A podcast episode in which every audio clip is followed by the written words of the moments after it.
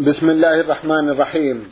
الحمد لله رب العالمين والصلاة والسلام على نبينا وسيدنا محمد وعلى آله وصحبه وسلم. اللهم صل عليه مستمعي الكرام السلام عليكم ورحمة الله وبركاته وأسعد الله أوقاتكم بكل خير.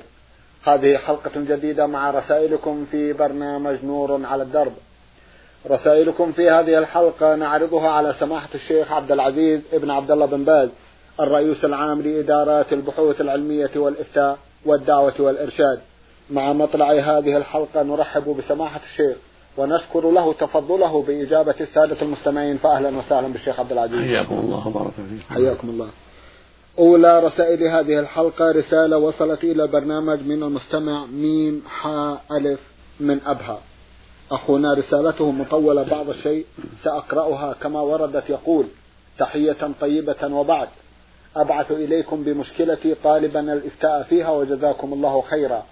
أنا مصري أعمل في المملكة العربية السعودية منذ عام تقريبا. وكنت قبل أن أحضر عقدت قراني على زوجتي بمصر.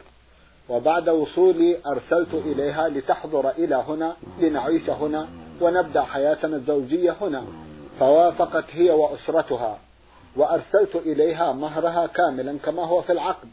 وقمت بإعداد شقة الزوجة بل قمت بإعداد شقة الزوجية وحضرت إلى هنا وحضرت إلى هنا وتزوجنا. وبعد شهر ونصف من الزواج بدأت أعراض الحمل فأصرت على أن ترجع إلى أهلها لتقضي فترة الحمل فرفضت ذلك. وقلت لها إنني مستعد بخدمتك بكافة ما أملك. وعرضتها بالفعل على طبيبة مختصة كانت تعالجها وتتابع حالتها ولكنها رفضت إلا العودة إلى أهلها وليكن ما يكن. كانت تقول إذا أردت أن تطل إذا أردت أن تطلقني طلقني وإن أردت ألا ترسل لي فلوسا فلا ترسل وثمن تذكرة العودة سأرسله من مهري ولكن لازم أسافر. واستعملت معها أسلوب الترغيب والترهيب ولكنها أصرت على ذلك حتى انقلب البيت جحيما. وفي النهاية حجزت لها تذكرة وسافرت إلى أهلها. والآن أريد أن أسأل عدة أسئلة. عرض عشر أسئلة سماحة الشيخ. يقول في سؤاله الأول هل تعتبر هذه الزوجة ناشزا؟ وهل يحق لها النفقة؟ نظرا لأنها حامل لأنني غير راض عن سفرها وحاولت منعها ولم أستطع. هذا سؤاله الأول. بسم الله الرحمن الرحيم. الحمد لله وصلى الله وسلم على رسول الله وعلى آله وأصحابه من اهتدى بهداه. أما بعد فهذه المرأة إذا كان الواقع كما ذكره السائل تعتبر ناشزا وليس لها نفقة. لكونها إنما سافرت عن غير رضاك وعن غير اختيارك بل بأسباب إلحاحها وإيذائها لك كما ذكرت في السؤال وليس لها نفقة. بعض أهل العلم يرى أن لها نفقة من جهة الحمل ولكن الصواب أنها ما دامت بهذه الحال فلا نفقة لها أيضا. حتى ولو كانت حاملة. نعم. جزاكم الله خيرا. م. هل إذا طلقتها أكون قد ظلمتها؟ ليس لك ليس في طلاقها بأس. م. ولكن نوصيك بعدم الطلاق ولا تعجل في الطلاق إذا كانت طيبة في دينها م. لأنها قد تكون ساءت أخلاقها بسبب الحمل والتوهم الذي يصيب الحامل. فلا تعجل في الطلاق إذا كانت طيب طيبة في دينها في صلاتها في أخلاقها في سرها لا تعجل في الطلاق. ولعل الله أن يهديها ويصلح حالها بعد ذلك. فإن طلقتها طلقة واحدة فلا بأس. أما الطلاق بثلاث فلا يجوز. طيب. إنما إذا أردت الطلاق تكون طلقة واحدة فقط. ونوصيك بعدم العجلة وعدم الطلاق مطلقا. جزاكم الله خيرا. إذا طلقتها ما هي حقوقها المالية التي تجب لها علي؟ إذا طلقتها فعليك نفقة العدة. إذا وافقت على المجيء ولكن أنت لا تريدها. أما إذا كانت على إصرارها وعدم رضاها بالعودة واستمرارها في النشوز فليس عليك نفقة حتى ولو بعد الطلقة. لكن إذا طلقتها وأرادت العودة إليك ورجعت عن رأيها الأول فعليك نفقة العدة إلى أن تضع حملها. ثم عليك نفقة الحمل بعد الوضع. أيوة. نعم. هل يحق لي أن أعتبر ثمن تذكرة العودة نفقة لها لعدة أشهر؟ وتكاليف تكاليف السفر تصل إلى ألف ريال تقريبا. ما دمت تبرعت لها بالتذكرة فليس لك العودة في ذلك. أيوة. نعم. إذا أرسلت لها خطاب أبلغتها فيه طلاقها يكون الطلاق صحيحا؟ ينبغي لك أن تثبته عند المحكمة. أو كاتب العدل أو معلول شرعي يصدق عليه من جهة المحكمة حتى يعتبر حتى يعتمد عليه هناك. نعم. شروط طلاق الحامل. طلاق الحامل مشروع لا بأس به. أيوة. لكن يكون طلقة واحدة. لأن النبي عليه السلام قال لابن عمر طلقها طاهرة أو حاملة بعض العامة يرى أن طلاق الحامل لا يصلح وهذا غلط. إنما هو من رأي العامة. أما طلاق الحامل عند أهل العلم فلا بأس به. وقد ثبت في الحديث الصحيح عن ابن عمر رضي الله تعالى عنهما أن النبي صلى الله عليه وسلم قال له طلقها طاهرا أو حاملا نعم. جزاكم الله خيرا. ما هي نفقة المتعة؟ وهل تحق لزوجتي وكيف تقدر؟ يستحب لك تمتيعها لقول الله تعالى وللمطلقات متاع بالمعروف حقا على المتقين. يستحب لك تمتيعها بما تيسر من المال كسوة أو نقود وليس لها حد محدود. طيب. بما بما يسر الله. نعم. جزاكم الله خيرا. نعم. متى يكون الطلاق حراما؟ في ثلاثة أحوال. في ثلاثة أحوال. يحرم الطلاق في الحيض وفي النفاس وفي الطهر جامع الزوج امرأته فيه وهي ليست حاملا ولا عائشة في هذه الأحوال الثلاث يحرم الطلاق كما ثبت هذا في حديث عمر. النبي عليه السلام قال له أمره أن يطلقها قبل أن يمسها بعد طهرها من الحيض. فدل ذلك على أنها لا تطلق إلا في طهر لم يمسها فيه. ولا تطلق في حال الحيض ولا في حال النفاس. هذه الأوقات الثلاثة يحرم فيها الطلاق. الأول كونها حائضة. طيب. الثاني كونها نفسا. طيب. الثالث كونها في طهر قد جامعها قد مسها فيه وليست حاملا ولا آيسة أما إن كانت حاملا فلا بأس بطلاقها وإن كان قد جامعها. أو كانت عائسة كبيرة السن لا تحمل فإنه لا بأس بطلاقه لها ولو كانت في الطهر جامعها فيه. نعم. بارك الله فيكم.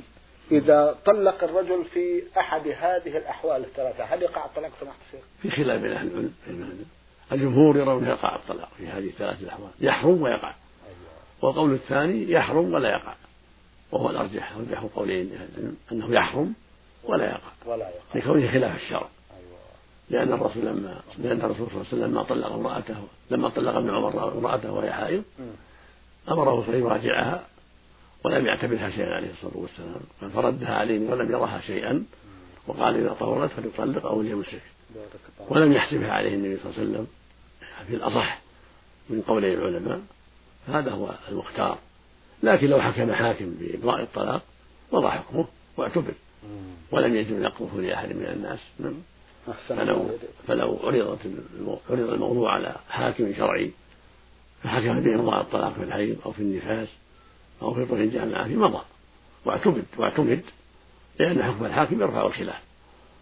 ولأنه قول الجمهور فإذا حكم بحاكم وجب تنفيذه. نعم. أحسن الله إليكم جزاكم الله خيرا.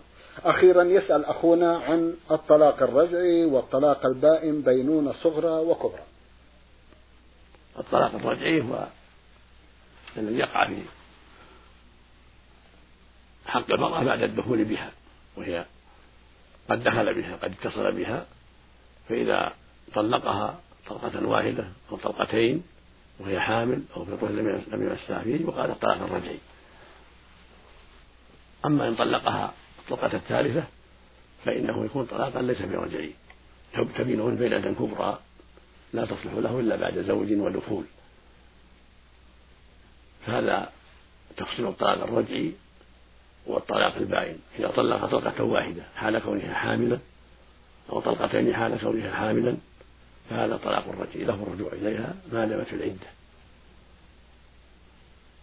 وهكذا لو طلقها في الطهر الذي جامعها فيه طلقة واحدة أو طلقتين أو طلقها وهي آيسة طلقة واحدة أو طلقتين فإنه له المراجعة. ما دام في العدة. وعدة المرأة التي تحيض ثلاث حيض. نعم. وعدة الآية ثلاثة أشهر. أما إن طلقها في الحيض أو في النفاس أو في طول الجماعة فتقدم أن هذا لا يقع في أصح قول العلماء. طيب. وأما الطلاق البائن فهو الذي يطلقها بالثلاث عند الجمهور بكلمة واحدة والصحيح أنه ليس ببائن الصحيح أنه يعتبر واحدة. إذا كان بلفظ واحد قال طالق بالثلاث فالصحيح أنه يعتبر رقة واحدة. كما ثبت ذلك من حديث ابن عباس عن النبي صلى الله عليه وسلم أنه جعل الطلاق الثلاث طلقة واحدة. يعني إذا كان بلفظ الثلاث ليس بمكرر بكلمة واحدة. يقول ابن عباس كان الطلاق على عهد النبي صلى الله عليه وسلم كان الطلاق على عهد النبي صلى الله عليه وسلم وعلى عهد الصديق أبي بكر وعلى عهد عمر طلاق الثلاث واحدة. ثم إن عمر رضي الله عنه لما رأى الناس استعجلوا فيها الله عليهم. فالصواب أنه يعتبر واحدة إذا كان طلقها بثلاث بكلمة واحدة. وهكذا لو قال طالق طالق طالق ولم ينوي الثلاث. فإنه يعتبر واحدة ويكون اللفظ الثاني والثالث تأكيدا للأول كما قاله أهل العلم. نعم. أما إذا طلقها بالثلاث بألفاظ متعددة أنت طالق أنت طالق أنت طالق ولم ينوي إفهاما ولا تأكيدا. أو قال تراك طالق تراك طالق تراك طالق ولم ينوي إفهاما ولا تأكيدا.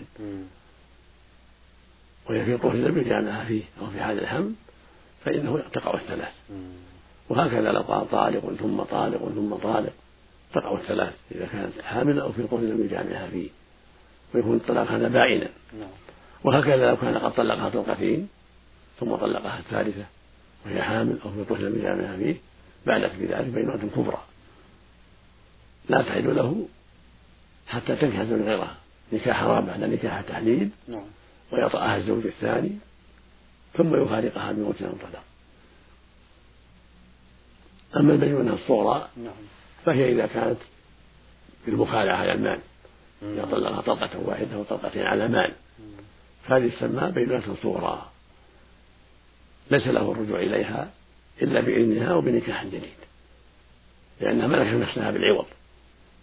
فإذا طلقها على مال طلقة واحدة أو طلقتين يسمى مخالعة. يسمى طلاق على مال. هذا ليس له مراجعتها إلا بإذنها بعقد جديد يعني بنكاح جديد. نعم. ولي وولي وشاهدين كأنه أجنبي بسبب المال. ومثل ذلك التي طلقها طلقة واحدة أو طلقتين وخرج من العدة. يقال لها يقال قد بانت بنت صورة بخروجها من العدة.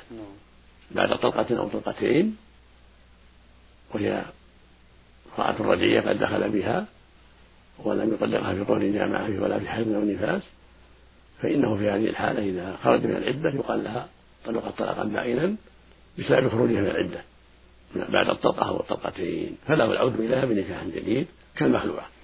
نعم. والله أعلم. الله أعلم. جزاكم الله خيرا.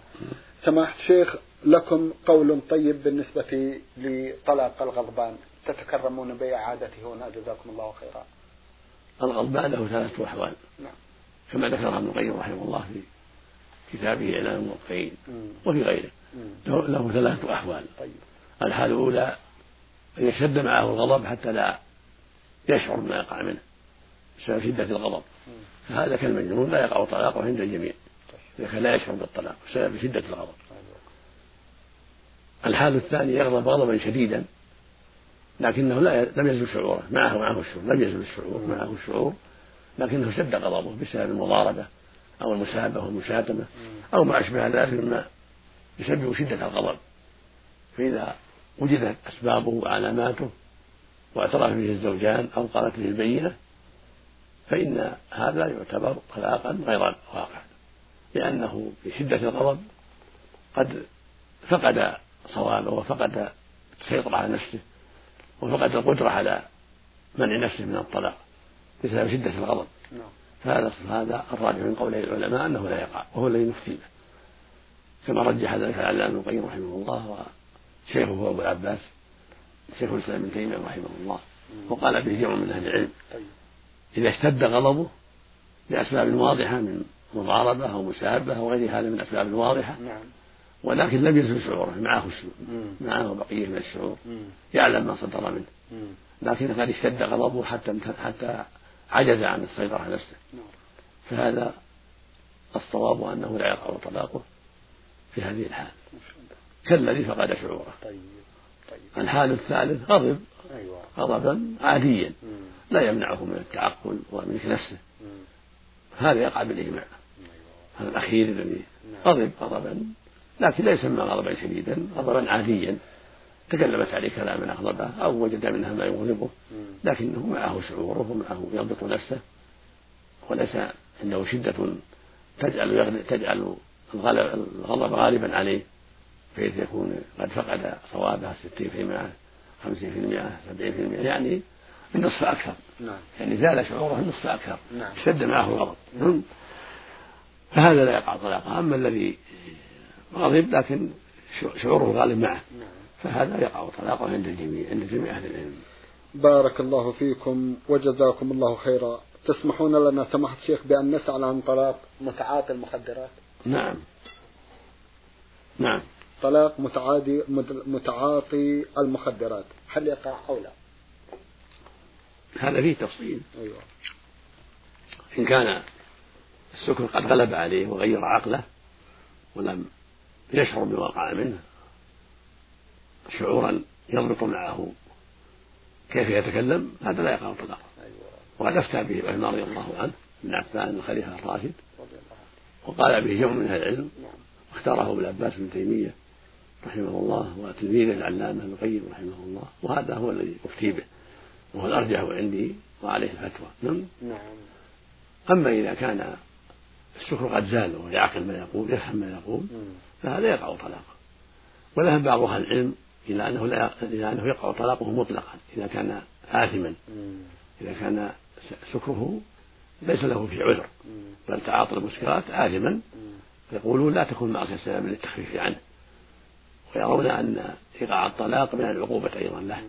هذا قول الأكثر أنه يقع عليه الطلاق إذا كان آثما ولو زال عقله وهذا قول عند من تأمله ليس بجيد. كيف يؤاخذ بشيء لا يعقله؟ والحد يكفي. حده الذي فرضه الله عليه يكفي في زجره عن المسكر هو الحد الشرعي. نعم. ثمانين جلدة. أما أنه يعاقب بشيء آخر جديد وهو إيقاع الطلاق عليه وتفريق بينه وبين أهله وأولاده هذه عقوبة لا دليل عليها. فالصواب أنه إذا كان قد فقد عقله ولو كان آثما فإنه لا يقع طلاقه كما أفتى به عثمان رضي الله عنه كما تقدم. أما الذي معذور يعني جعل له شيء يسكره من غير اختياره. أو شرب شيئا ظنه شرابا سليما فبان مسكرا ولم يتعمده. نعم. وعرف من حاله ومن أدلة الواقع أنه لم يتعمد ذلك. فهذا لا يقع طلاقه كالمجنون لأن ليس بآثم نعم. بأن أسقي شيئا ظنه ليس بخمر ظنه شاهي أو ظنه شراب. فصار خمرا خدعوه نعم. فهذا لا يقع طلاقه لأنه معذور. كالمجنون. نعم. وإنما الخلاف في الآثم الذي تعمد شرب المسكر وزاغ عقله بسبب المسكر هذا هو محل الخلاف. والأرجح أيضا أنه لا يقع طلاقه. كالذي فقد عقله بغير عمل منه. هذا هو الصواب وهذا هو الأرجح. نعم. جزاكم الله خيرا ونفع بعلمكم. ننتقل إلى مواضيع أخرى عبر الرسائل من المستمعين الكرام فهذه رسالة وصلت إلى برنامج من سلطنة عمان وباعثها المستمع سين فا أخونا يقول استقدمت أحد العمال من الخارج للعمل لدي وبعد مدة توفي وتحملت نفقة تجهيزه وترحيل جثمانه إلى بلده بما يزيد على خمسة آلاف ريال. هل علي شيء بعد ذلك تجاهه لتبرأ ذمتي؟ عليك أن تسلم لأهله الأجور التي عندك. إذا كان له أجور عندك أيوة. بقايا أجور عليك أن تسلم أو تركة عنده عليك أن تسلم جميع أمواله التي عندك من أجور أو تركة له من نقود أو متاع عليك أن تسلم ذلك. أما ما أنفقته في تجهيزه فأنت أعلم بنيتك. إن كنت أنفقت ذلك تبرعا منك فجزاك الله خيرا وليس لك الرجوع بذلك. وإن كنت أنفقت ما, ما أنفقت بنية الرجوع فلك أن ترجع بما أنفقت في كفنه وحفر قبره ونحو ذلك. أما تجهيزه إلى أهله فليس لك الرجوع لأنه ليس واجبا أن تجهزه إلى أهله. لو دفنته مع المسلم في بلدك كفى. إلا إذا كان أهله طلبوا منك ذلك ووافقوا على أن تأخذ قيمة التجهيز السفر من مالك فلا بأس. وإلا فليس عليك أن تجهزه إلى بلده. والواجب أن يدفن مع المسلمين في عمان كما لو مات في مكة أو المدينة أو غير ذلك. يدفن مع المسلمين ولا يرسل إلى بلاده. لكن لو طلب أهله رسالة إلى بلاده والتزموا بالنفقة أو سمحوا بأخذ النفقة من التركة فلا بأس. مع أن ترك ذلك أفضل. يكون يدفن مع المسلمين نعم. ولا يسفر أولى من التكلف. هذا هو الأولى. إنما يتكلف في ذلك إذا كان في بلاد الكفار في بلاد لا يدفن فيها المسلم هذا لا بأس بنقله إلى بلد مسلم أو إلى أهله. أو سمح أهله بنقله إليهم لمصلحة رأوها يكون على حسابهم. على حساب من سمح بذلك من طلب نقله والتزم بقيمة التذاكر. أما أنت فلا يلزمك ذلك لكن إذا تبرعت بذلك فليس لك الرجوع. بارك الله فيك. نعم. إذا كان ذلك العامل غير مسلم. إذا كان العامل غير مسلم لا يكفل ولا يصلى عليه ولا يجهز إلا بلاد قومه. يجتمع الكفار كان في بلد فيها كفار نعم. أو يحفظ له في محل بعيد عن المسلمين ويدفن في محل بعيد أيوة. في الصحراء ويواسى قبره وانتهى الأمر. ولا يصلى عليه ولا يغسل ولا يكفن بل يدفن فيما تيسر من الثياب. الساترة يستر في ثياب ويدفن بعيدا عن مقابر المسلمين هكذا هكذا نعم. جزاكم الله خيرا ونفع بعلمكم. المستمع عين نون باء من الزرقاء بالأردن يقول في رسالة بعث بها إنه قبل حوالي عشرين عاما حصل جدال بينه وبين شخص آخر. وقال له هذا الشخص إن فلانا يقول إنك قلت كذا وكذا. فقلت له علي الطلاق أنني لم أقل ذلك. وأنا كنت وقتها متأكد بأنني لم أقل ما نسب عني ولكن الشك ساورني فيما بعد بأن أكون ربما قلت ما حلفت على أني لم أقل. أرشدوني عن إمكانية وقوع الطلاق من عدمه تجاه هذا الحلف وهل علي كفارة أو أي شيء آخر؟ جزاكم الله خير الجزاء.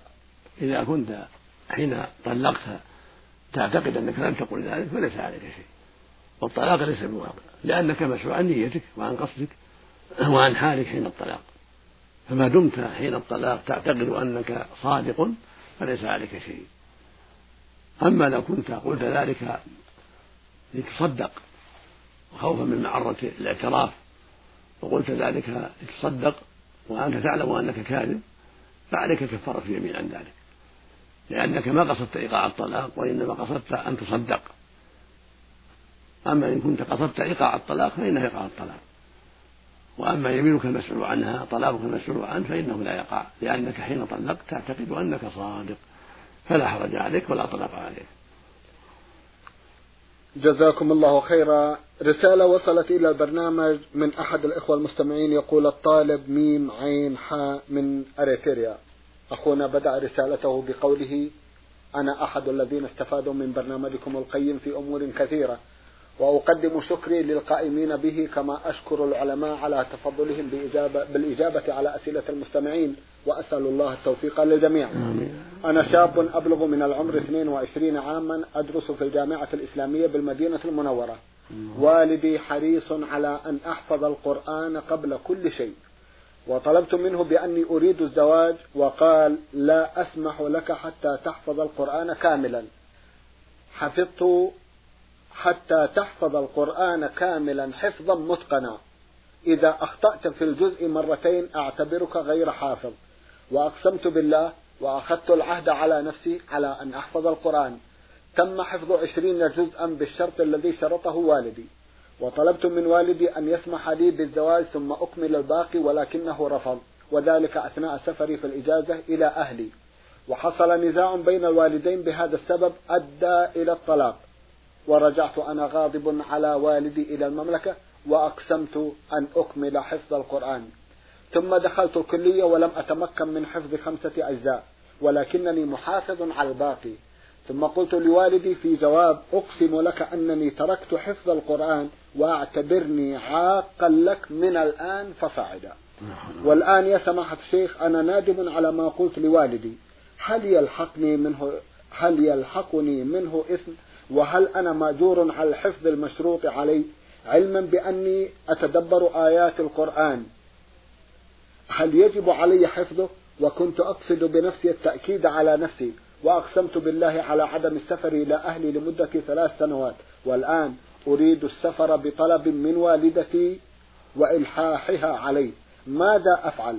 هل أسافر أم أبقى هنا وأترك طلب والدتي؟ أفيدوني جزاكم الله خيرا. وأرجو أن تتفضلوا بتقديم نصيحة لوالدي لعله يستمع إليها ويستفيد وأنا عازم على ترك الزواج والعكوف على طلب العلم وحفظ القرآن. هل هذا يجوز لي على أن أكون داعيا إلى الله على بصيرة على بصيرة وعلم أم يجب علي الزواج؟ ما دمت قادرا. أرجو توجيهي حيال قضية هذه. جزاكم الله خيرا. لا شك أن والدك جزاه الله خيرا إنما فعل ما فعل وقال ما قال قصده الخير لك ونفعك بحفظ كتاب الله العظيم. فهو مشكور على قصده وعلى نيته وعلى تشريعه لك ولكن ليس هذا بشرط من جهة النكاح. فنصيحتي للوالد أن يتسامح وأن يتنازل عن هذا الشرط وأن يزوجك. لما في الزواج من المصالح العظيمة والخير الكثير لك وله. وقد قال النبي صلى الله عليه وسلم يا معشر الشباب من استطاع منكم الباء فليتزوج فإنه أغض للبصر وأحسن الفرج ومن لم يستطع فعليه بالصوم فإنه له وجاه فنصيحتي للوالد مرة أخرى أن يزوجك وأن يتسامح عما حصل منك وأن تستبيحه أيضا وتستحله عما كتبت إليه من العقوق. قد أسأت فيما كتبت إليه. وما كان ينبغي لك ذلك. لأن والدك إنما قصده النصح وما جرى بينه وبين زوجته. ليس مما يعنيك أنت بل عليك أن توسط بالخير والكلام الطيب. فالحاصل أن عليك أن تستسمح والدك وأن تسأله أن يعفو عنك وأن تتوب إلى الله مما كتبت إليه من العقوق والكلام الردي وعلى والدك أن يقبل عليه جزاه الله خيرا أن يسمح وأن يصفح عما جرى منك بسبب شدة الغضب والرغبة في الزواج. وأنت عليك أن تستسمحه وتطلب منه الرضا والعفو عما جرى منك وأسأل الله أن يهديه حتى يزوجك وأن يهدك أيضا ويعينك على حفظ القرآن الكريم وعلى تحصيل العلم النافع. والله جل وعلا يقول في كتابه العظيم ومن يتق الله يجعل له مخرجا ويرزق من حيث لا يحتسب ومن يتق الله يجعل له له يسرا فأوصيك بتقوى الله في جميع الأحوال وأوصيك أيضا بالحرص على رضا والدك وبره والسمع والطاعة له في المعروف والحرص على حفظ كتاب الله وهو إن شاء الله سوف يبادر وسوف يفعل وسوف يزوجك وإن لم وإن كنت لم تكمل حفظ القرآن. وعليك أن تجيب الوالدة وتسافر وتكفر عن يمينك لأن حق الوالدة عظيم أيضا وحقها أكبر من حق الأب. فنوصيك بالسفر إليها وتكفير عن يمينك بإطعام عشرة مساكين أو كسوتهم واستسماح والدك والأخذ بخاطره. ونسأل الله يوفق الجميع لما يرضيه وأن يصلح حالك وقلبك وأن يوفق والدك لتزويجك وأن يعينك على حفظ كتابه وعلى القيام بحقه وعلى الدعوة إليه على بصيرة. اللهم آمين. جزاكم الله خيرا. اذا كونه يترك الزواج من أجل التفرغ للدعوة إلى الله لا تنصحه لا لا, لا أنصحه الا يدع الزواج بل يبادر. والزواج لا يمنعه لا يمنعه من العلم نعم. والعلم لا يمنعه من الزواج. نعم. فعليه ان يتزوج وأن يواصل الدراسة وسوف يعينه الله إن شاء الله. نعم. إن شاء الله. جزاكم الله خيرا. سماحة الشيخ في ختام هذا اللقاء أتوجه لكم بالشكر الجزيل بعد شكر الله سبحانه وتعالى على تفضلكم بإجابة السادة المستمعين. وآمل أن يتجدد اللقاء وأنتم على خير.